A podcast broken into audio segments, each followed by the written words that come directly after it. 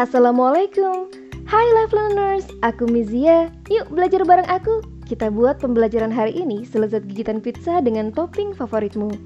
Kali ini kita masih membahas buku international bestseller yang berjudul Power Up Your Mind Karya Bill Lucas, seorang ahli lifelong learning international Yang akan mengungkap rahasia otak kamu Dan memberikan tips dan trik untuk mengoptimalkan otak Supaya kita bisa belajar lebih cepat dan bekerja lebih cerdas Terima kasih banyak buat live learners yang selalu mendengarkan podcast aku. Jika kamu merasakan manfaat, kamu bisa share podcast ini ke orang-orang terdekat kamu supaya manfaatnya bisa dirasakan lebih banyak orang. Aku juga terbuka loh sama kritik dan saran kalian supaya kita sama-sama bisa membuat podcast ini lebih berkualitas dan lebih menginspirasi kita semua. Terima kasih banyak ya. Di episode kemarin baru saja kita bahas tentang 10 cara menyegarkan otak dan meningkatkan motivasi kamu ketika redup. Dari 10 cara itu, cara mana nih yang jadi favoritnya life learners? Atau mungkin life learners punya cara lain yang biasa life learners lakukan untuk ngebus motivasi? Share cerita kamu di kolom komentar ya. Siapa tahu cerita kamu bisa menginspirasi aku dan life learners lainnya. Terima kasih. Hari ini kita akan masuk ke chapter baru nih, life learners. Kalau di 10 episode awal kemarin kita membahas persiapan untuk belajar, di chapter ini kita akan lebih fokus belajar tentang being a competent learner atau belajar cara belajar bagaimana menjadi pembelajar yang kompeten. Penasaran kan? Simak podcast ini sampai habis ya. Yuk, cus lanjut kita bahas.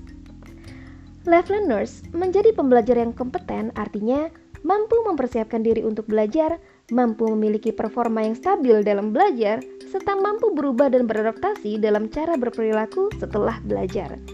Di tahapan ini, kita akan mempelajari cara menggunakan otak secara lebih efektif. Ternyata, life learners, proses belajar itu nggak sesimpel teknik belajar menguasai penjumlahan dalam pelajaran matematika atau teknik belajar menguasai kosakata bahasa asing. Proses belajar itu lebih kompleks.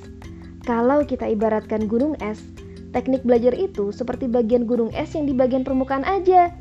Sedangkan di bagian bawahnya ada emosi belajar dan psikologi belajar yang juga harus kita kuatkan. Beberapa cara mempersiapkan emosi belajar sudah pernah kita bahas ya di episode sebelumnya. Bisa dicek di playlist.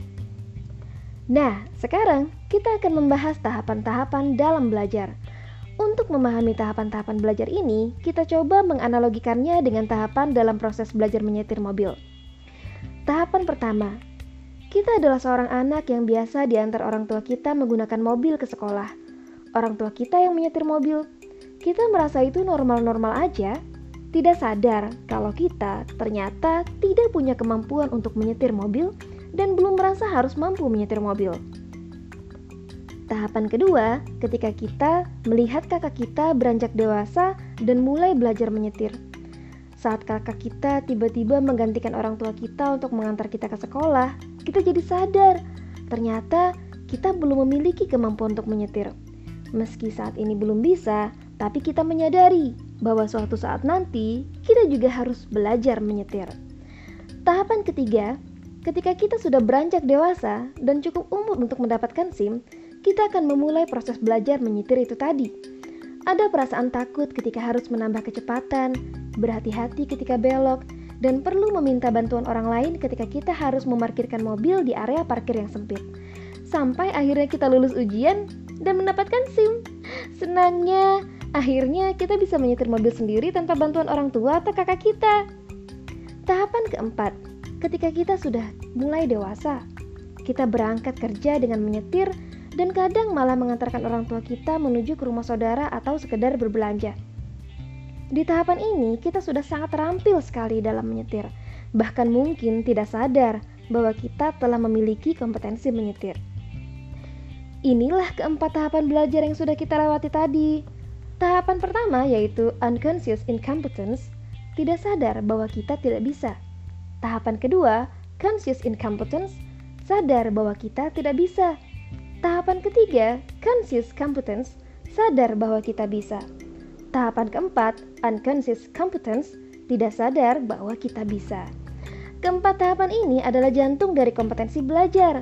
Dari sini kita bisa lihat, untuk benar-benar sadar bahwa kita bisa seperti di tahapan ketiga, kita perlu sadar dulu bahwa kita tidak bisa seperti di tahapan kedua.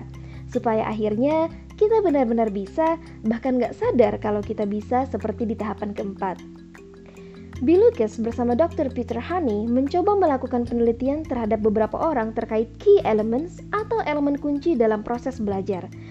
Dari penelitian tersebut, terdapat 30 skill kunci yang bagi para responden itu kritikal atau penting banget dalam proses belajar. Kalau kita rangkum, ke-30 skill itu bisa kita kategorikan pada tiga elemen penting, yaitu understanding yourself as a learner, memahami diri sebagai pembelajar, learning to use new techniques, mempelajari cara-cara menggunakan teknik baru, dan learning about learning, mempelajari tentang proses belajar itu sendiri. Nah, sampai di sini udah paham kan? Pentingnya mempelajari cara belajar untuk memahami bagaimana caranya menjadi pembelajar yang kompeten. Simak terus ya serial podcast Mizia, karena setelah ini kita akan belajar lagi bagaimana memaksimalkan potensi otak kita dalam belajar agar bisa menjadi pembelajar kompeten dengan ritme belajar yang stabil serta mampu berubah dan beradaptasi menjadi lebih baik lagi setelah belajar. Itu tadi sajian podcast kita hari ini tentang tahapan-tahapan belajar dalam proses menjadi pembelajar yang kompeten. Dari tahapan-tahapan ini tadi, Live Learners punya cerita gak nih tentang proses belajarnya selain menyetir? Share tentang pengalaman belajar kamu di kolom komentar ya. Siapa tahu cerita kamu bisa menginspirasi aku dan Live Learners lainnya. Jika kamu mendapati podcast ini bermanfaat, share untuk orang-orang terdekat kamu ya. Semoga kalian semua terinspirasi karena di sini kita bikin belajar selezat gigitan pizza dengan topping favoritmu. Terima kasih, sampai jumpa. Wassalamualaikum warahmatullahi wabarakatuh.